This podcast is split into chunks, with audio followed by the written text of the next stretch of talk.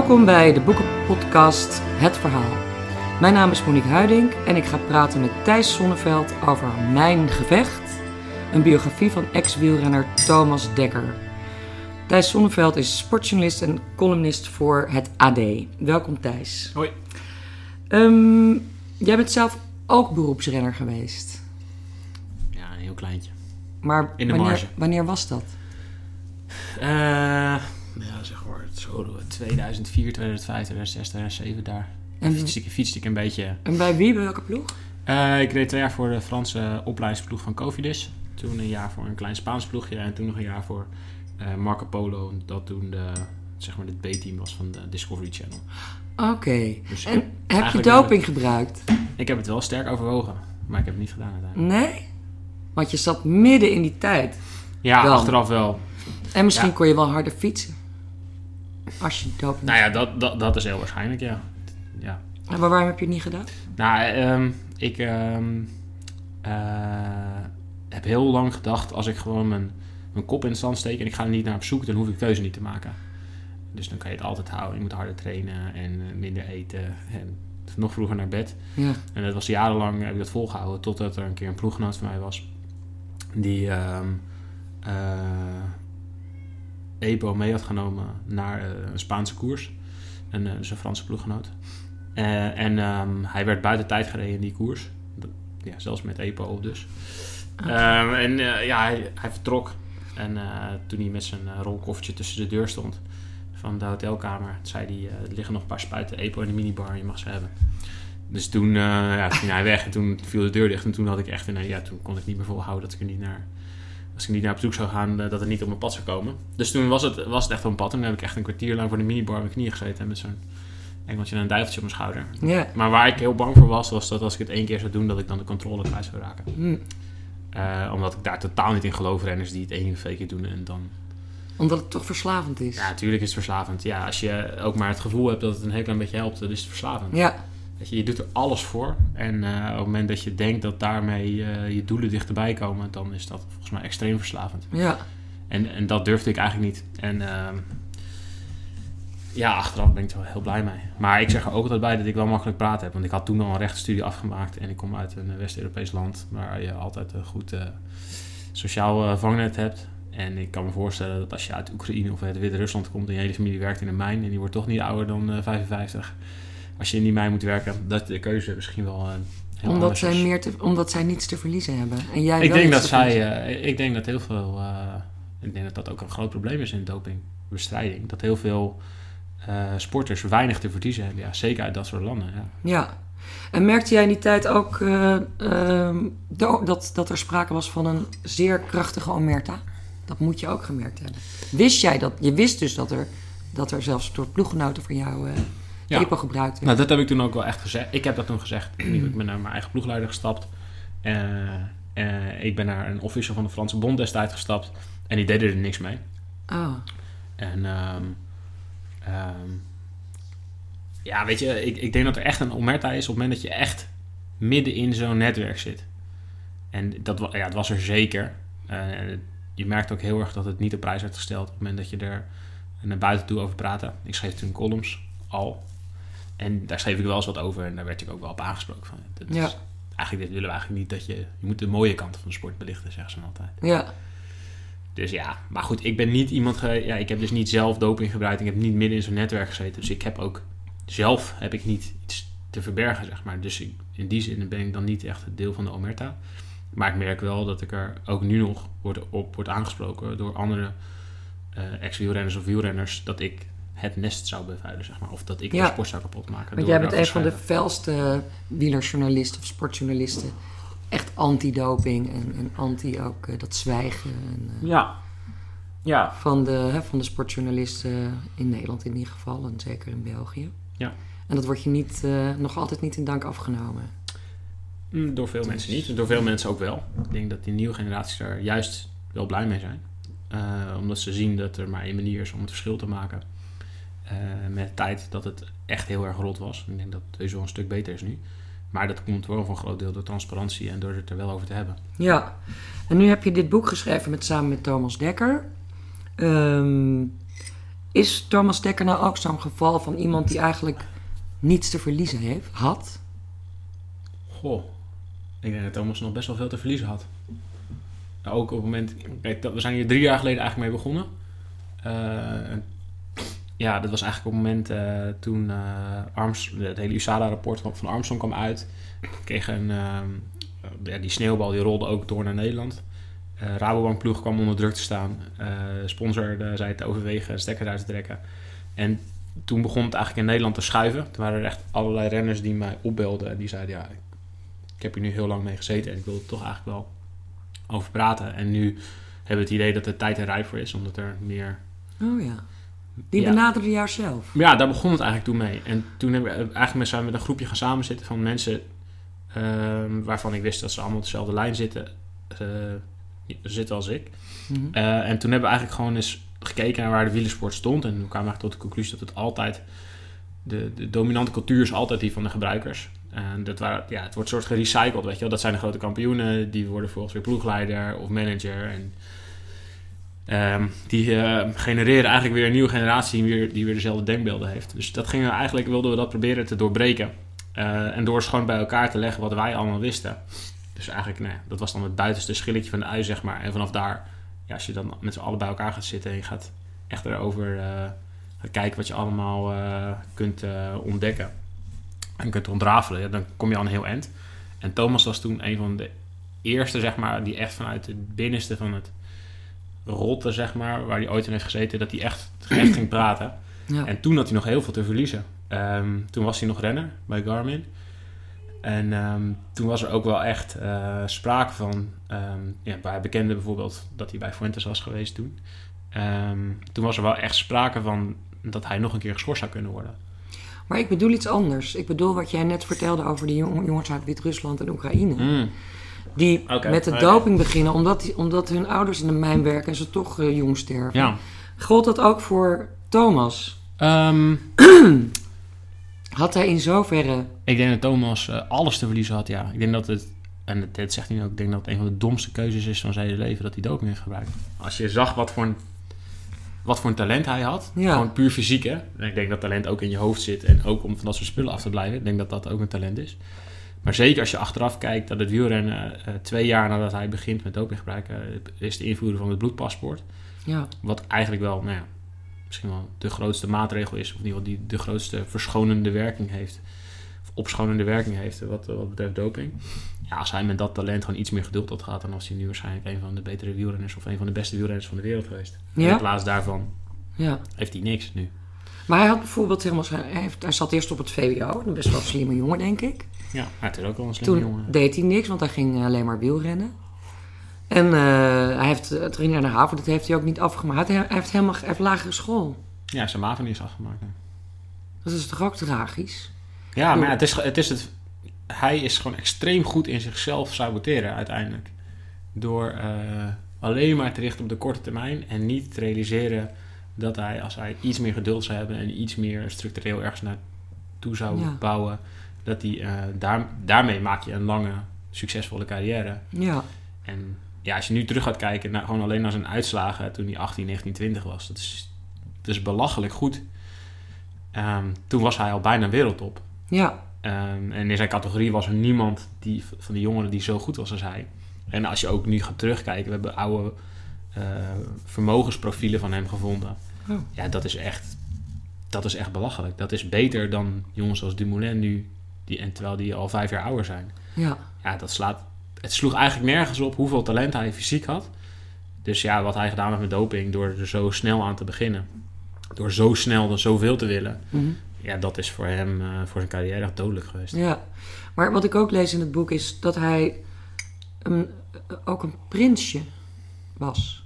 Thuis. Hij komt uit Ja. een, redelijk, een redelijk eenvoudige komaf, als ik dat zo oneerbiedig mag zeggen. Ja, zijn Zijn vader is bagageshower op Schiphol en zijn moeder is badjuf. Ja, en hij heeft nog een zusje. Ja. Maar hij was, hij was er totaal... Hij, hij, hij kon nog geen boterham smeren, schrijft, zegt hij zelf. En dat, hij, zijn moeder deed alles voor hem en zijn vader ook. Ja. En zelfs ook zijn zusje. Als Ja, ja, ja. zijn Zij- moeder op het, op het werk was, dan, dan smeerde zijn zusje zijn boterham. Door en door verwend. Ja, ja maar ja, dat is ook... Dat daar, daar beg- begint misschien wel zoiets. En Ja, Ik denk dat er heel veel eh, jongens van die leeftijd zijn die verwend zijn. Maar die ergens dan volwassen worden en die zich realiseren dat ze zo niet eh, kunnen leven. Maar ehm, ja, dat was ook tijdens onze gesprekken. weet je, afgelopen jaar, ja, soms dan, zei, dan vroeg ik aan hem, ja, hoe vaak heb je eigenlijk zelf gekookt? Ja, een heel keer. Hoe vaak heb je in je leven in de supermarkt staan? Ja, misschien vijf keer. Ja. Ja, het enige wat hij doet, of wat hij deed, was dan eh, met een eh, hele dure stofzuiger, hele mooie baantjes in Ja. tapijtzuiger. Daar moest ik ook vreselijk om lachen. Ja, en dat zo heel precieze ook heel- baantjes. Daar hebben wij natuurlijk ook heel erg om gelachen. Maar het geeft wel aan hoe, hoe eerlijk en hoe open hij er nu over praat. En dat is natuurlijk, ja, ik zou me de dood voor schamen. En hij ook wel. Hij is, ja, dat je, dat je zo afhankelijk bent en zo ja, onvolwassen ergens. Ja. En dat hij dat allemaal, allemaal zo op tafel legde. Ja, soms, ja, soms lag ik echt onder de tafel. Dus wat ik, was ik hem echt aan het uitlachen. En ik kan me niet voorstellen dat het echt heel leuk voor hem was. Maar het was wel heel open. Maar het, begrijpt, het gevoel begrijp je toch ook dat hij eigenlijk ook vindt dat hij een prins is? Want prinsen die hoeven dat ook allemaal niet. Nou, Weet je ja. wel, ken je dat sprookje van dat zo'n jongetje wordt dan bij eenvoudige schoenlappers ondergebracht door zijn ouders om Ja. nederigheid te leren. En dan blijkt hij een prinsje te zijn, weet je wel. Dat het zo'n soort dat hij dat ook dacht van ik ben, ik weet je wel, ik hoor helemaal niet bij deze mensen. Ja. Dus die, die zijn eigenlijk, hij noemt het een doodnormale jeugd, een doodnormaal gezin. Ja. Maar je proeft dat hij bedoelt doodsaai. Voor hem, ja, maar als je het afzet tegen wat hij later allemaal meemaakt, was dat inderdaad doodsaai. Dat Ja. kan je je bijna niet voorstellen dat hij uit zo'n milieu komt. En misschien was het wel heel erg afzetten tegen dat milieu. Maar ehm, eh, kijk, hij heeft zeker een hele lange tijd in zijn carrière gedacht dat hij dat inderdaad was, dat prinsje. Ja, En er zit ook, ja, er is één mooie anekdote dat hij uit, ze gaan, hij gaat uit met een paar vrienden en dan is hij 18 of 19 en eh, ze gaan naar de Jimmy Woo, een bekende discotheek in Amsterdam en ze staan daar in de rij en ze komen er niet in, want er zijn gewoon drie jonge jongens. ja. Die, die, die uitsmijter die denkt, ja jongens, eh gaan jullie lekker ergens anders naartoe? En dan gaat hij heel hard schreeuwen en zegt hij, weet je wel wie ik ben? Ik ben, ik ben Thomas Dekker. ja.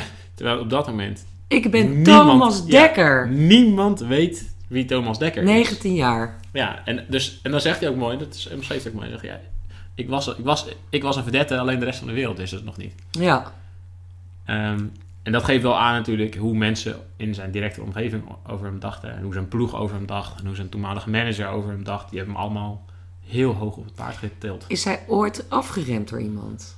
Nee. Dat is natuurlijk de, de kardinale fout. Ja. Nou, d- d- maar dat, ja, laat wel eens. Dat gebeurt natuurlijk heel vaak als je nu naar jonge voetballers kijkt of jonge popsterren. Die worden alleen maar bevestigd. Ja. Dat kan niet goed zijn voor de ontwikkeling van zo'n karakter. Nee, maar het- volgens mij is het voor geen enkel jonge mens goed als je alleen maar hoort hoe goed je bent. Nee. En eh, hoeveel geld je zou moeten verdienen en hoe belangrijk je bent. Volgens mij moet je mensen in je omgeving hebben die je ook een beetje met de benen op de grond houden. En dat heeft Thomas niet gehad, nee. Nee.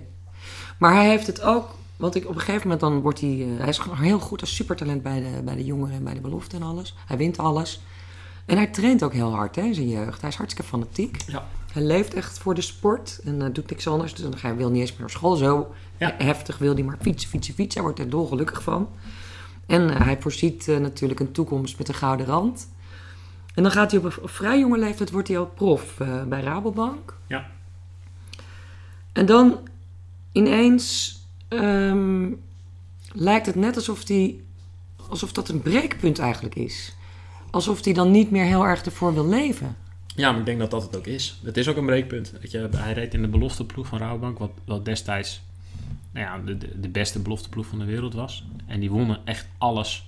En Thomas reed als belofte. Dus in de jaren dat hij nog helemaal niet een officieel eh, profcontract had bij, de, bij, de, bij, de, bij het grote Rabobank. Maar eigenlijk een soort, nou ja, soort A1 Ajax contract, zeg maar. Eh, toen reed hij al heel veel wedstrijden tegen de grote jongens en toen versloeg hij ze al. Ja, En hij, hij won gewoon tijdritten van Wiggins en Cancellara op, op die leeftijd. Ja, dat, achteraf, dat is belachelijk dat hij dat gewoon toen al kon. ja. Hij is nog niet eens uitgegroeid dan. Nee, Ja, nee, het is gewoon echt een jochie nog dan. Ehm, en hij gaat, ja, op dat moment in die ploeg gaat alles over wielrennen. En dat, is, dat was ontzettend goed eh, wetenschappelijk begeleid. En eh, daar stonden al su- superveel staf voor alle jochies klaar. Ehm, en op het moment dat hij dus overgaat naar de grote jongens, naar de grote, naar de, naar de, naar de grote profs, ja, dan komt hij in een wereld terecht waar het helemaal niet meer alleen maar om wielrennen gaat. Maar daar gaat het dus, nou ja, in de eerste trainingskampen gaat het al over hoeren en geld en heel veel drinken en eh, tegen bushokjes eh, staan te kotsen en in de, in de gordijnen pissen. En voor hem is dat ook een, een breekpunt. Maar is, wist jij dit? Wist jij dit al, voordat hij dit vertelde? Dat dit zo ging bij de Raboploeg? Wat een bende het daar was? Het is toch totaal niet professioneel? Nee, dat is het ook niet. Nee. En eigenlijk is die doping toen, het was eigenlijk een soort compensatie bijna. Van ja, we- we zijn de hele nacht... eh, Ik heb zo'n kater, ik moet even wat EPO ja, eh dan gaan we zo hoeren en snoeren de hele nacht. En eh, dat compenseer je door er gewoon even iets in te gooien, ja. Ja, ik kan niet... Ja, dat, Maar dat, wist jij dit al? Nee, ja, ik, ik, ik wist... Kijk, zeker, nou, ik heb drie jaar geleden echt een heel groot onderzoek gedaan en toen heel veel over geschreven. En toen heb ik echt iets van 200, 250 verschillende mensen gesproken, echt over doping. En dan vallen op een gegeven moment, daar, daar vallen dan de schellen wel van je ogen. En dat, dat snap dat, op een gegeven moment zie je dat wel. Dus ik, de doping, zeg maar, in het boek, ja, nou, goed, dat geloof ik dan wel ondertussen. Maar eh, ik heb, het afgelopen jaar hebben we dus echt over zijn leven gehad. En dan gaan we niet meer, niet alleen puur over de doping. En ja, ik, daar ben ik wel echt ja, flabbergasted over eigenlijk. Over wat hij allemaal deed voor wedstrijden. Ja, weet je dat hij GHB gaat gebruiken samen met Max van Heeswijk. GHB, ik viel van mijn stoel. Knock-out gaat op zijn bed en dan de volgende dag zijn wielenkloffie aantrekt en gewoon doodleuk de koninginrit wint in een Spaanse etappekoers. Ja, dat is idioot. Krankzinnig. Ja. En, maar daar herken ik, ja, daar zijn natuurlijk heel veel ploegen, of in ieder geval heel veel renners die zich daar niet in herkennen. Dat is echt zo extreem. Ja, maar dan, dan kom je er dus achter dat bij, bij die Rabo. Hij, hij, beg- hij komt daar gewoon in als 20-jarige. Ja. En eigenlijk, hij vindt zichzelf natuurlijk eh, de totale top-gorilla van de apenrots. Ja, maar dat meteen, is eigenlijk al. Maar dat is hij helemaal niet. Maar hij komt dan vervolgens in echt gewoon in de onderwereld terecht, zou je bijna zeggen. Ja, het is gewoon een parallele eh, wereld eigenlijk. Maar zo ontzettend onprofessioneel. Dat, dat vind ik nog... Dat zijn, heel- dat zijn gewoon amateurs-idioten van de carnavalsvereniging. Ja. Echt onbegrijpelijk. Zou dit bij andere ploegen ook zo zijn geweest? Of is het typisch Nederlands? Nee, zeker niet. Er zijn genoeg ploegen waarbij het gebeurde. En eh, ja, er zijn genoeg eh, renners en ploegen waar het nog steeds gebeurt. Die gewoon allemaal naar de hoeren zuipen. Ja. en tien, tien minuten slapen voor de wedstrijd en dan... Ja, en af en toe, kom- af en toe, komen, af en toe komen daarvan eh verhalen naar buiten. En Ja, weet je, en die slek die eh, in, de, in de Vuelta eh, de hele nacht gaat zuipen. Nou ja, de verhalen van Frank van den Broeke zijn uiteraard bekend. Maar Ja. kijk naar waar Luca Paolini afgelopen jaar op wordt betrapt. Op cocaïne. Nou ja, hij zegt dan tijdens de Tour. De- Ik vraag me af of dat zo is. Maar in ieder geval cocaïne gebruikt. ja. Ja, weet je, dat, dat zijn allemaal excessen die gewoon... die, die, wat eigenlijk precies hetzelfde is. Alleen Thomas vertelt het nu. En, Ja.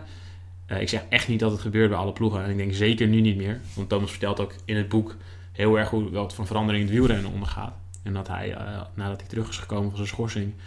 Als hij bij Garmin terechtkomt, omschrijft hij hoe saai het daar is. Omdat niemand doet meer die dingen. Want ja, eh, zeker met het, na het bloedpaspoort, na de invoering van het bloedpaspoort... en nadat er dingen strenger zijn geworden, zo, ja, dan, je kunt niet, niet meer veroorloven om de hele nacht te gaan zuipen. Nee. eh, omdat je het niet meer zo makkelijk kan compenseren met doping. Eh, dus ja, hij omschrijft ook dat het huidige wielrennen heel saai is. Dat trainers gewoon op hun bed liggen. Ja, Ja, heel gek professioneel. genoeg. en heel normaal, zouden wij zeggen. Ja. Maar goed, er, zijn, ja, er is absoluut nog wel een deel eh, van de renners die nog wel dit soort excessen heeft. Ja. Maar ja, het is, want ik kijk, ik, van, we weten het ook wel van voetballers, weet je wel, die doen dat ook allemaal. Maar dat is toch totaal geen duursport, weet je wel. Voetballen, dat is helemaal niks. Wielrennen, dat is, dat is een verschrikkelijk zware, gigantische eh, duursport. Dan ga je toch niet twee uur slapen en, heel veel zuipen. Maar ja, goed, je merkt ook al, gewoon- je, je ziet het ook gewoon aan zijn lichaam of aan zijn, aan zijn prestaties door de jaren heen. Ehm, ja, hij heeft gewoon roofbouw gepleegd. Ja, En ehm, ja, je merkt gewoon, je ziet, als je dus die, die, die vermogensprofielen zeg maar, naast elkaar legt van wat hij kon als 19, 20-jarig jongetje. Als je dat al vergelijkt met wat hij deed in zijn werelduurrecordpoging, wat echt een heel goed niveau was en waar we allemaal voor hebben staan klappen. ja, Ja, dat is gewoon een andere renner. ja. Ja, als hij toen het werelduurrecord had aange, aangevallen als 19, 20-jarige, had hij het verpulverd. En dat is natuurlijk, ja, weet je, normaal gesproken worden renners beter tussen hun 20ste en hun 30ste. Ja. En Thomas is alleen maar slechter geworden. Maar wat mij ook echt opviel, dat zei ik net ook al. Hij leefde er gewoon ook helemaal niet meer voor. Natuurlijk word je dan Nee. slechter. Maar goed, dat is, kijk, daar is hij zelf voor Hij raakte verantwoordelijk het hele heilige vuur kwijt. ja, hij is he- daar is hij 100% zelf voor verantwoordelijk. Ehm, maar zijn karakter eh, was echt zo verschrikkelijk ongeschikt voor de, het klimaat en de periode waarin hij eh, ja, begon zeg maar, te fietsen bij de profs. Waarin het helemaal niet zo professioneel was. En waarin de mensen waar hij naartoe trok, en ik zeg zeker niet die hele ploeg, want ik denk dat de Rabobank, eh wat Thomas ook omschrijft, een deel van die renners die gebruikte doping en een deel die eh, gingen zich te buiten aan allerlei excessen. En Ja. Thomas is juist heel erg aangetrokken geweest door dat deel. Ik weet niet meer wat ik wou zeggen. Ehm, ja, dat is, ehm, dat is voor hem eh, het begin van het einde geweest. En daar had hij zichzelf aan moeten onttrekken of hij had misschien wel Iemand. mensen nodig had die Ja. hem dat al- toen hadden duidelijk gemaakt. Maar bijvoorbeeld de Maassen, de ploegleider, die zegt op een gegeven moment, heeft tegen hem gezegd op een gegeven moment, helemaal ben je besodemieterd. Ja. Je blijft met je poten van die doping af. Er is Ja. sprake van dat je dat gaat nemen. En dat interesseert hem, daar had hij helemaal geen respect voor. Nee, maar ja, daarom, en veel mensen die hebben het over, weet je, waarom Michael Bogert een belangrijke rol heeft in het boek. Maar ik denk dat dat, je, Thomas heeft altijd heel erg opgekeken tegen Bogert. Zijn, de poster van Bogert hing boven zijn bed en dat was zijn grote held. En Ja. toen kwam hij over naar de profs en hij, hij, hij, hij, ja, hij keek gigantisch op tegen Michael. En ja, Michael bleek naast het wielrennen een ander leven te hebben. Hmm. En ja, als jouw grote voorbeeld dat doet, dan ga je misschien wel sneller hetzelfde doen. En dat is zeker geen excuus, want hij heeft het helemaal zelf gedaan en hij is overal zelf bij geweest. Ja, Maar ik denk wel, eh, ja, hij, dat is een goed voorbeeld. Hij, tegen Frans Maassen, daar keek hij niet tegenop. nee, kon hem niks schelen. Nee. Hij zegt op een gegeven moment, eh, niemand heeft, eh, hij had- hij had eigenlijk heel erg gehoopt dat er iemand in de ploeg of in de omgeving zou zitten, Ja. die wel tegenop keek. Die zou zeggen, Ja, een echte of een grote, grote Ja. renner. Ja. Die zou zeggen, nou, eh, daar gaan we niet aan beginnen, kleine Thomas. Doe even met je rustig, En dan heb een beetje die- geduld. Maar ik denk dat, ik kan maar, wat denk je dat dat waar is? Dat hij dan een ander pad had gekozen? Want hij is zo destructief. Ja, dat weet hij niet. Dat weet hij niet. Nee, dat is altijd eh, de als dan eh, vraag. Ja, Die ja weet je, hij zegt wel eens, weet je, in, eh, als, als een ploeg als Garmin of als nee, tegenwoordig, wat er nu gebeurt bij Lotto, Jumbo of bij Giant, waar heel erg antidopingbeleid wordt gevoerd. Ja, misschien had hij wel een paar jaar jonger moeten zijn, dat je in zo'n ploeg terecht was Ja. gekomen. Maar goed, dat is allemaal als dan. Ja, Zijn karakter is in ieder geval niet om het heel rustig aan te doen Nee. en om het geduld te hebben. Precies. Ehm, want je hebt inderdaad, er staan, nog, er staan heel veel anekdotes eh, in het boek eh, waarbij andere renners betrokken zijn of andere mensen uit het wielrennen. En die worden ook eigenlijk wel beschuldigd, eh, zo hier en daar. Ja. Ehm, en dingen over inderdaad een hoerenbezoek, samen masturberen voor een, voor een pornofilmpje. Allemaal heel onfrisse toestanden, heel veel drank en drugs. Ja. Moesten, waarom moest dit, dit verhaal verteld worden? Deze verhalen? Ehm, nou, we hebben gekozen voor eh, echt alleen maar de essentiële verhalen eh, te noemen en de essentiële eh, personen te noemen. Dus nee, je hebt dat masturbeerscène, die, die masturbeers, masturbeerscène met Steven de Jong. Dat is het eerste moment dat hij binnenkomt bij de profs. Ja, En dat is echt om aan te geven wat voor een verschil er was tussen de belofteploeg en de profploeg van Rabobank. Dus waar het bij de belofte alleen maar ging over wielrennen, krijgt hij bij de profs letterlijk op het moment dat hij binnenkomt lopen met zijn jas nog aan en zijn koffer achter hem aan, eh, krijgt hij een handdoekje toegeworpen. in plaats van een hand. Ja, Ja, en, en ja, dat is, ja, toen Thomas het ook vertelde, zei hij echt, ja, dat kan er niet in. Maar ja, dit, dit zijn hele essentiële dingen in zijn vorming als renner en als mens. Heb je dit gecheckt bij Steven de Jong? En Steven de Jong die praat al een paar jaar niet met me. Dus, eh, Maar het kan ook dat hij het verzonnen heeft, Thomas. Dat dit niet gebeurd is. Eh, dat lijkt, kans lijkt me niet echt heel groot, want hij is niet echt heel blij mee, Thomas. Weet je, dit zijn niet dingen waar hij nou heel eh, ehm, eh, trots op is. Nee, en dat hij is helemaal al. niet trots op het Maar- hele verhaal. Thomas Dekker is een enorme manipulator. Geweest, zeker. En soms Dat is steeds. hij nog. Ja. Zou het kunnen dat hij jou ook gemanipuleerd heeft? Die kans is heel klein. Maar je mag het nooit uitsluiten. Daarom heb ik hem ook echt proberen te betrappen op leugens. Ja. Tijdens alle gesprekken. Hm. En echt proberen in de val te laten lokken. En ja, zo, zoveel mogelijk mensen eh, die hij noemt bellen om het te checken. Ja. En ja, Thomas is echt super consistent geweest in de afgelopen drie jaar in zijn verhaal. En ehm, ja, er is echt geen spel tussen te krijgen. En overal waar we aan twijfelden of, daar, of dat de waarheid was, eh, dat hebben we gewoon niet vermeld. Dat vroeg ik me nog af. Heeft hij nog, zitten er nog, zijn er ook anekdotes die er niet in terecht zijn gekomen? Ja, Ja, dus. Ja, weet je, kijk, als je echt alleen maar een sensatieverhaal had schrijven, dan hadden we er nog weet ik hoeveel bekende Nederlanders in gedaan en nog meer renners. Dat, dat, dat, hij heeft nog wel kaart in zijn mouw wat dat betreft. Ja, het is, maar het is ook het is zijn verhaal. En ehm, ehm, het is niet het verhaal van wat hij gehoord heeft of eh, als er ergens een keer een passant was die iets deed wat totaal niet relevant was voor Ja. de vorming van, eh, van, van Thomas als mensen was renner, dan was dat niet relevant voor het verhaal. Dus nu, ja, dat is wel, vind ik dan wel grappig. Worden dan, Thomas wordt dan beschuldigd van een sensatieverhaal te hebben opgeschreven, maar ja, ik kan niet zeggen dat het nog wel, als het echt over sensatie, op sensatie uit waren, dan was het nog wel iets anders geworden. Dat is bijna niet te geloven, want het is, het is best wel sensationeel inderdaad. Ja, Of het is gewoon heel, ja, het is heel onluisterend. Ja. Dat is het vooral, maar dat had nog veel erger gekund. Ja, zeker. Maar wat ik opvallend vind is, ehm, weet je, we hebben eh, de afgelopen jaren, zeker na Armstrong en zeker toen we eh, ja, begrepen eigenlijk wat voor een omerta hij oplegde aan zijn omgeving, hebben we het best wel veel over omerta gehad en dat het zo goed zou zijn als nee, dat, dat renners dat zouden durven te doorbreken. Ja. Eh, en volgens mij hebben we het boek van Tyler Hamilton ook allemaal verslonden en gezegd dat het zo knap was dat hij eindelijk tegen zo'n bullebak als Armstrong was opgestaan. Ehm, en nu gaat het over Nederlandse renners en nu is er ineens een deel van het publiek dat dan er tegen is. En dat is, ja, dat is, ja, in het Engels heb je daar een woord voor, dat is bias. En ik weet eigenlijk niet zo goed hoe je dat zou moeten vertalen in het Nederlands. Ja, het is, het is gewoon, eh, ze willen niet dat je de vuile was... eh, Ja, nee, maar als het dus van renners ver weg is, van Dan andere landen, het dan is het allemaal prima. Ja. En eh, ja, als, als het over Nederlandse renners gaat, die, waar mensen voor de bank hebben gestaan, voor, langs de weg ervoor hebben staan klappen, dan is het ineens anders. Maar ik vraag me af of mensen Armstrong ook eh, vergeven, hoor. Kunnen wel een beetje lijken op... eh, ze hebben wel iets van elkaar. Of tenminste, Dekker heeft iets van, eh, van Armstrong. ook met dat manipuleren. Ook een beetje zo van eenvoudige kom af. En enorme Ja. honger naar geld en, en vrouwen en drank. En nou ja, dat had Armstrong nou wat minder. Ik denk dat Armstrong veel berekenender is. Ik denk dat Thomas... Ja, wat precies. Want ik denk dat... Wat, had, wat heeft Dekker niet dat Armstrong allemaal wel had? ja, maar Armstrong heeft het allemaal gewoon heel berekenend gedaan. En Thomas heeft het gewoon over heel veel dingen heel dom en kortzichtig. Ja, soms gedaan. ook heel onbeholpen. Ja. En dat hij notabene naar Fuentes gaat in 2006. Net voordat Fuentes wordt gepakt.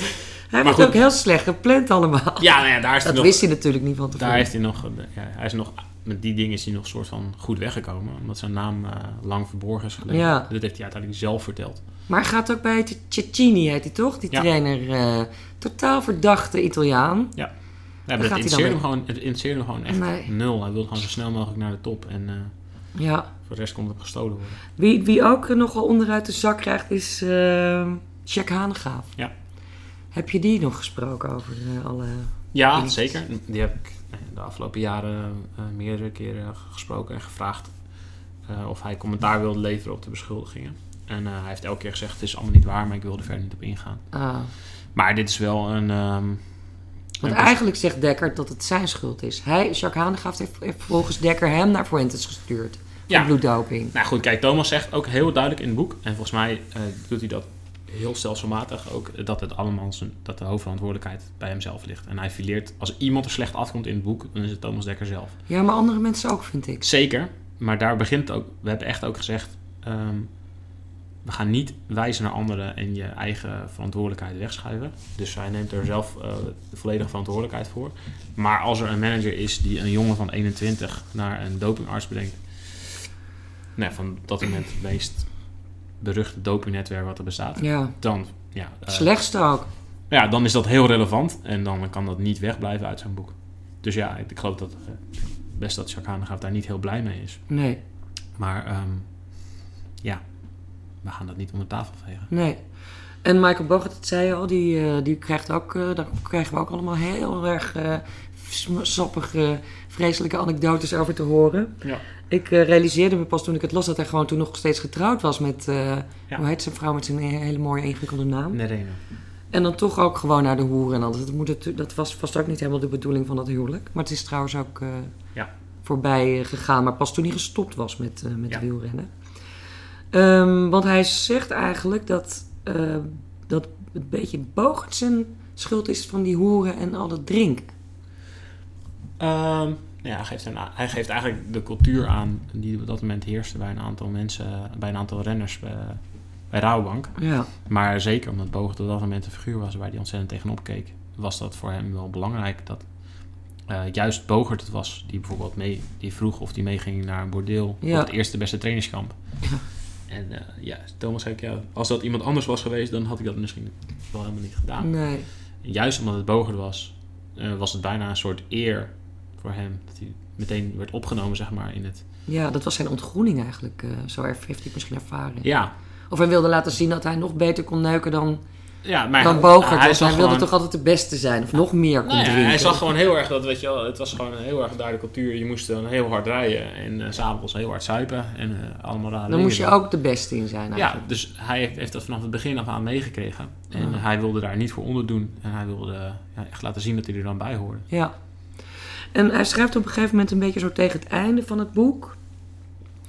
En dan zegt hij, dit, hij wil dit verhaal vertellen ook als een soort biecht. Ja. Hij wil, die, dat die, wat beschrijft als de smerige waarheid, wil hij van zich afwerpen, daar wil hij zich van bevrijden. Ja. Maar ehm, wat volgens mij de bedoeling, of de, de bedoeling van een biecht is, dat je daarna vergeven wordt. En daardoor voel je je bevrijd. Ja, is Maar het zo? Moet een biecht dan zijn, moet moet je gericht zijn op de vergiffenis van anderen? Nou, dat is volgens mij het systeem van biechten. Dan ben je er vanaf, weet je wel. Je, hup, en dan kan je weer door met je leven. Ja. Maar ik vind niet dat hij echt berouw toont. En omdat die, die beschuldigingen ook erin zitten... lijkt het me moeilijk om, worden, om vergeven te worden. Volgens mij wil hij niet vergeven worden. Nee, maar hij wil wel van die last af. Ja, Hoe denkt hij daar dan van af te komen? Door dit bij een ander neer te leggen. Nou, volgens mij legt hij niet meer bij iemand anders. Volgens mij geeft hij continu aan dat hij zelf verantwoordelijk is. En Ja. weet je, hij heeft in het op het eind van de carrière heeft hij de kans.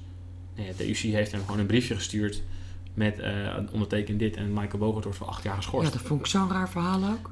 Ja, daar vind, ik vind dat, dat, ja, dat er heel weinig aandacht voor is voor de rol van de UCI bijvoorbeeld. Ik vind dat tamelijk dubieus wat voor een rol zij gespeeld Ja. hebben. Dat ze per se Bogert wilden schorsen voor de toerstart in Utrecht.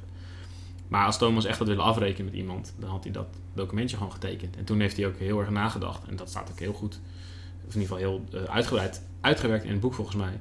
Dat hij heel erg toen heeft nagedacht van, ja, is het iemand anders de schuld dat ik eh doping heb gebruikt? En ga ik hier Michael Bogert eh, acht jaar voor geschorst laten worden omdat ik van hem Dinepo heb gekocht. Ja. En dat heeft hij uiteindelijk niet gedaan. Op dreiging dat hij zelf weer geschorst zou worden of dat hij er zelf weer consequenties van zou kunnen krijgen. Dus volgens mij laat hij ook daar heel erg mee zien dat eh, de schuld bij hemzelf ligt. Maar, Ja, ik- maar- ik denk dat met zo'n, met een, jij noemt het een biecht. Ik weet niet of dat Hij, woord, hij noemt het zelf een biecht. ik weet niet of dat, woord, dat, dat woord ook echt genoemd wordt in het boek. Ja, maar- echt. ik geloof, echt ik geloof jou. Ehm, wat volgens mij... eh, het, het is iets... Thomas is iemand die graag... eh, die praat veel met mensen. En het is een sociale jongen. Ja. En ehm, hij is van dat groepje bij Rabobank... die eh, dat doping gebruikte... is hij eigenlijk jarenlang de enige geweest. Nee, je kunt zeggen misschien samen met Rasmussen... die, eh, die, die, die consequenties daarvan heeft eh voorgeschoteld gekregen. ja, hij heeft ook pech gehad. Hij had een retro-test had hij mee te maken. Ja, misschien, ik weet niet of dat pech is of dat iemand heeft gezegd... misschien moet je die testen, die, die urinestalen van Thomas Dekker nog eens een keer testen. Dat Oh, blijft een raar verhaal dat hij de enige, of vrijwel de enige is... die, eh, die zo'n retro-test... eh, eh, die met, met een, via een retro-test is gepakt. oh, zou het een soort wraakactie van iemand kunnen zijn? dat, dat, dat, weet je, dat weet je niet, maar het is wel... Het, het, gewoon puur feit is wel dat hij gestraft is Ja, voor wat hij heeft gedaan. En in tegenstelling tot heel veel andere mensen bij Rabobank... die ermee wegkwamen. Ja, en die wel gewoon hetzelfde systeem hebben gebouwd. Die, die mee, meehielpen en die er gewoon jarenlang mee, mee zijn weggekomen. Maar Dus- mede dus- dat, dat, dat, dat feit dat hij de zondebok werd, Ja. zo noemt hij dat ook zelf, Ja. dat heeft hem ook heel rancuneus gemaakt. Ja, En misschien zijn wederopstanding verhindert ook. dat, zou dat dat, zou, dat zou goed kunnen. Maar het is, het is eigenlijk gewoon een soort tijdbom geweest. Hij heeft jarenlang heeft hij, heeft het geprutteld en geprutteld en het moest er ooit een keer uitkomen. Ik denk niet dat Thomas is niet de persoon die zoveel eh rottigheid de rest van zijn leven met zich mee kan Mhm. eh, slepen. En ik denk dat het juist eh, dat hij nu niet meer die rancune voelt. En is het een deel, ja, ik geloof best dat er ergens heus wel een deel rancune in zit om het wel allemaal te vertellen. Het is ook een beetje een wraakboek. Nou, misschien. Maar ik denk niet dat dat en wraak eerste... is wel zoet. Dat is wel lekker. Dan ben je er wel vanaf. Ja, maar wraak, weet je, het zou wraak zijn als hij er zelf nu heel goed af zou komen. Als hij zichzelf nu hiermee Dat zou weet laten ik zien. niet. Dat weet ik niet. Hij was toch al, weet je wel. Ja, Hij was, te toch, hij was toch al eh, Ja, de pakhaas. ja. Ja, ik weet niet. Ja, ik, ik vind dat hij er zelf... En dat, Hij dat komt er zelf. super slecht vanaf. Ja, Maar andere mensen ook. maar andere mensen ook. Ja. Maar goed, hij- wat hij wilde, weet je, hij, het is, het is bijna therapie geweest voor hem. ja, natuurlijk, dat snap ik wel. Maar daarom denk ik ook dat het, dat, dat het eerder, het is, niet, het is geen biecht. Het is eerder gewoon iedereen die hem in de steek heeft gelaten in die periode dat hij twee Ja. jaar geschorst. Niemand belde hem meer op. Hij mocht niet mee naar feestjes. Hij lag er gewoon uit, hè. Fuck you, eh, Thomas. Ja. Je bent betrapt, sukkel. Ja, dat vind ik te makkelijk. Dat vind ik te makkelijk. Ik vind het, vind het te makkelijk om het zo allemaal op eh wraak af te schuiven. Want hij heeft ook echt, en dat was drie jaar geleden. Denk je goed. niet een klein elementje van wraak? Nee, ik zeg, dat zeg ik. Hè. Ik denk wel dat er een element Ja. in zit. Maar ehm, weet je, hij heeft drie jaar geleden eh, een, echt een, was hij echt een van de kroongetuigen in het naar buiten brengen van wat er allemaal gebeurde in het wielrennen. In het Nederlandse wielrennen dan. En dat had hij helemaal niet hoeven te doen. Nou, Ehm, en hij heeft er echt wel eh, lang over nagedacht toen. En weet je, hij heeft ook neefjes die fietsen. En hij wil gewoon per se niet dat die jongens dezelfde fouten maken als, als hij. Dus er zit ook, weet je, natuurlijk is het, er zal heus een deel eh, wraak in zitten. Maar het is ook, er zitten ook hele andere elementen in. Ik denk dat een grote veel, veelheid van factoren is waarom hij uiteindelijk eh, eh, het verhaal wilde vertellen. En er zitten misschien eh, donkere kantjes aan, maar er zitten ook hele lichte kantjes aan. Maar hij wil gewoon niet dat er ja, dat zijn neefjes hetzelfde gaan doen. Of dat andere jochies hetzelfde gaan doen. ja, denk je dat het ook... Zeker. Dat, ja. Eh, want wat kunnen dan jonge jongetjes eh, en eigenlijk überhaupt de wielenwereld, wat kunnen die hiervan, wat, wat moeten we hiervan leren van dit, dit hele verhaal? Nou, ik ben echt op, opgebeld door, door veel mensen, ook eh, beleidsbepalers bij grote ploegen. En die echt zeggen, ja, dit- weet je, we moeten hierover blijven praten. Want dit is echt niet lang geleden. Nee, helemaal niet. En ehm, ja, we- je, dit is gewoon wat er gebeurt op het moment dat je het uit de klauwen laat lopen. En op het moment dat je een andere kant op kijkt als ploegleiding. eh, en dat je eh, mensen niet ter verantwoording roept op het moment dat ze de- dus over de schreef gaan. Ja. Dus dit is ook wat ze echt, dit is wat zij ook moeten laten zien intern over waarom ze bepaalde maatregelen nemen. En waarom eh, die ene eh soigneur of dokter eh, eruit wordt gezet. Mhm. En ik denk dat dat, dat is volgens mij ook wel het belang. En dat zeggen, zij, dat zeggen die mensen zelf ook. Dat is het belang van, van, van de waarheid over het verleden naar, naar, naar boven halen. Want als je er niet over praat ja, en je kijkt gewoon de andere kant op Dan gaat het door. ja, dit, mensen, zeker wielrenners, zijn, zijn mateloze mensen. En eh, als je ze het gevoel geeft dat ze alles kunnen doen en, er komen, ze- en dat ze er altijd mee wegkomen, ja, dan krijg je in no time een cultuur die helemaal verdorven is. Ja. En dat wil je volgens mij, ja, dat, moet- dat wil iedereen voorkomen nu. Nou, wat, wat, ik, wat mij opvalt vooral is dat zo'n jongen als deze... En er zijn natuurlijk heel veel van dit soort jongens met zo heel erg veel talent. Die Ja. echt ontzettend goed zijn. Die hebben veel en veel straffere begeleiding nodig. Maar ja, dat is, dat, Die moeten een strenge vader hebben waar Ja. ze bang voor zijn. Die ze bij wijze van spreken slaat Ja. als ze te laat thuiskomen. Nou ja, het is inderdaad, wie kies je ook in je begeleiding? Weet je? Ja. Kies je de mensen die jou eh, maar die kinderen, dit zijn nog kinderen. Ook al is die nee, 20. Dat is gewoon een kind. Ja. Die, moet, die, kan, die wilde helemaal niet aan. En die, die, die vrijheid. Maar dat lijkt me een hele belangrijke les. En dat is ook wat hij heel erg wil meegeven. Ja. En niet alleen maar aan wielrenners. Want er zijn natuurlijk net zo goed genoeg jonge voetballers... waar je precies Ja. hetzelfde nu al fout ziet gaan. Ja, tuurlijk. Dat zit in elke sportzaal. Kijk, weet je, kijk maar dat mag, als je wielerliefhebber bent zoals ik, dan mag je dat nooit zeggen. Maar bij Ja. andere sporten is het veel erger natuurlijk. Of net zo erg. Maar dat is het probleem, weet je. Die kinderen, die jonge mensen, die hebben heel veel talent. Ja. En iedereen, nou ja, waar we over begonnen. Iedereen draagt ze op handen. En dat kan gewoon niet met zo'n karakterontwikkeling. Die moet gedisciplineerd worden. Zo'n type. Dat is volgens mij een van de allerbelangrijkste lessen. Ja, dat denk ik ook. En wat, wat, ook, eh, wat hij op een gegeven moment ook zegt, en dat, daar weet jij vast ook meer van. Hij zegt het gaat nu veel beter met de wielersport, Ja. maar het is nog verre van schoon. Ja. Want, hoe, weten we, hoe weet hij dat? Hoe weet jij dat? Dat het verder van schoon is of dat het beter gaat? Nou nee, dat het beide, het gaat beter, maar het is verre van schoon. Ja, ik, ik denk dat er in het wielrennen... en eh, wat er nu heel erg speelt... is een soort van clash tussen... eh, eh, ja, noem maar even het oude wielrennen en het nieuwe wielrennen. Ehm, wat, wat misschien wel de generalistische termen zijn... maar voor discussie wel, misschien even nu makkelijk. Maar je ziet echt dat, dat, dat er twee stromingen met elkaar vechten. Dus de- aan de ene kant de stroming die probeert echt eh, actief antidopingbeleid te voeren... en transparant te zijn en... ehm, weg te blijven van de randjes. Eh, en aan de andere kant een stroming die juist wel heel erg de grenzen opzoekt. En die wel de toch? andere kant op kijkt. Ja, ja. En waar zie je dat? Loopt dat door Europa ook heen? Het is, voor een deel is het Is het een geldkwestie? soms. eh, maar voor, je, ziet, je ziet voor een deel dat het een culturele kwestie is. Eh, en je ziet dat het ook vaak een kwestie is van... En noem dan eens landen, Spanje, Italië. Nou ja, Spanje, Italië is gewoon geen. Daar is. Ja, is ik niks ik- veranderd. Ik, heb zelf in Spanje gereden. Ja, daar is niet veel veranderd. Nee. Nee. En, en daar, als je daar nu met renners praat, ook renners die andere, ja, Spaanse renners die betrokken zijn geweest in Operatie Puerto, er zijn, zeggen echt renners van: ik zou best de waarheid willen vertellen, Ehm, maar het wordt niet eh, op prijs gesteld in, in mijn cultuur. En dat betekent dat dan niet ook dat, dat ze helemaal geen werk meer hebben? Want dat is natuurlijk ook heel bedreigend. Dat is ook altijd het probleem met Armstrong en in Ja. die tijd geweest. Als je erover ging praten, was het meteen einde verhaal. En dan had je misschien geen inkomen meer. Nou ja, ja goed. Kijk, kijk in landen als Spanje hoe er wordt omgegaan met renners als Valverde. Ja, die is gewoon doorbetaald tijdens zijn schorsing. En die kon Ja. gewoon weer meteen, de, moment, de, de dag dat hij weer mocht koersen, was hij gewoon weer Ja. welkom. Ja, want dat wil ik ook zeggen. Er zijn, Dat is wel iets anders. er zijn ook wel andere renners die geschorst zijn en wel terug zijn gekomen. Zeker, maar de, bedoel, Thomas heeft er volledig met de pet naar gegooid tijdens zijn schorsing. En Ja. die heeft het daar gigantisch eh, verklooid. Dus Ja. ja. als je twee jaar lang feest, dan kan je ook niet meer terugkomen. Nee, Maar ehm, dan mis je ook die hele ontwikkeling. Wat je heel erg, volgens mij, wat heel erg belangrijk is, eh, is dat je, zeker in Nederland en in Duitsland heb je dat heel erg gehad, is dat eh, het voortbestaan van ploegen op het spel heeft gestaan door doping. Ja. En dat heb je gezien toen Rabobank de stekker eruit trok en, en, en ja, diezelfde ploeg een jaar lang gewoon zonder sponsor moest rondrijden, omdat niemand geïnteresseerd was. Mhm. Ehm, Daar zijn ze wel van geschrokken. daar zijn ze heel erg van geschrokken. Ja. Nou ja, Ivan Spekerbrink heeft zijn ploeg echt gebouwd op antidopingbeleid. En dat heb je in Duitsland even goed gehad. Ja, daar zijn een aantal hele grote dopingaffaires geweest. En er zijn gewoon het, eigenlijk is daar het profielrennen gewoon geïmplodeerd. Ja, En je ziet heel erg in die landen. met name met Jan Ulrich natuurlijk. Ja. eh, Je ziet heel erg in die landen dat dat, dat, dat heel erg voor heeft gezorgd dat, dat eh, beleidsbepalers daar zien dat antidopingbeleid dat het zonder niet kan. Dat je het publiek en de sponsoren nooit meer meekrijgt.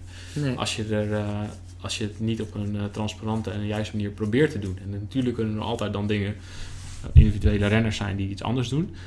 Maar als je dat vergelijkt met landen als Spanje, maar ook met Rusland of met eh, Kazachstan, ja, dat is gewoon een totaal andere cultuur. En daar staan eh, voormalig dopinggebruikers nog wel op een voetstuk. En daar worden nog wel regelmatig renners gepakt. En er worden de schouders over opgehaald. En die renners worden als een soort weggooien product gewoon aan de kant geschoven. En er wordt een nieuwe En waar nieuwe renners ingepast en door. Dus die twee culturen die zijn heel erg. Dat is gewoon de oude gevecht. cultuur eigenlijk. Dat is gewoon de oude cultuur, ja. Ja. En daar zijn renners gewoon gebruiksvoorwerpen. En ja, die, ons, ja, die ontslaat er eentje als die wordt gepakt. En eh de verder boeit het je niet. Zou het toch het doorbreken van de omerta, dus bij, binnen het huidige profpeloton, hè, die jongens uit Nederland en, en Duitsland, laten we dan maar even net doen alsof die helemaal volkomen clean zijn. Ja, dat zijn ze niet, maar Als, als, zij, als zij gaan zeggen, wat vroeger dus ondenkbaar was, van die renner van, van Astana, die heeft gewoon dood, dat weet ik. Dat maar dat dood- gebeurt al. Kijk, kijk naar Want wat... dat is het enige wat ze kunnen doen natuurlijk. Maar gewoon kijk- dan zogenaamd verraden, Ja. maar dat is niet verraden, dat is je sport beschermen. Maar ja, kijk, dat gebeurt al. Kijk naar wat Marcel Kittel en Tony Martin de afgelopen jaren hebben gezegd. Kijk ook hoe eh, iemand als Dumoulin zich uitlaat over die eh attestenaffaire met. Wiggins. Dat is nu juist wat er gebeurt. En ik denk dat dat een hele belangrijke ontwikkeling is. Ja, dat denk ik dus ook. dat eh, renners zich nou, sinds een paar jaar gesteund voelen dat ze, zich, dat ze in de Ja. publieke opinie eh, openlijk over doping kunnen praten en het probleem niet kunnen bedreigd benoemen. worden. Ja. Precies, Ja. precies. Dus da- dat is volgens mij heel belangrijk. En daar, ja, de- om dat te bereiken is er maar één. eh, de basisbehoefte daarvoor is dat je erover praat en dat je er transparant over bent. Ja. Inderdaad. Dankjewel voor dit gesprek. Eh, ik sprak met Thijs Sonneveld over Mijn Gevecht, een biografie van Thomas Dekker. U kunt deze podcast ook beluisteren via iTunes en Stitcher. En onder de gebruiksnaam Podcast Het Verhaal vindt u de pagina op Facebook en ook op hebban.nl. Eh, knik daar op de like-knop, abonneer, volg of laat een reactie achter. En vertel het door als u deze podcast de moeite waard vindt. Hartelijk dank.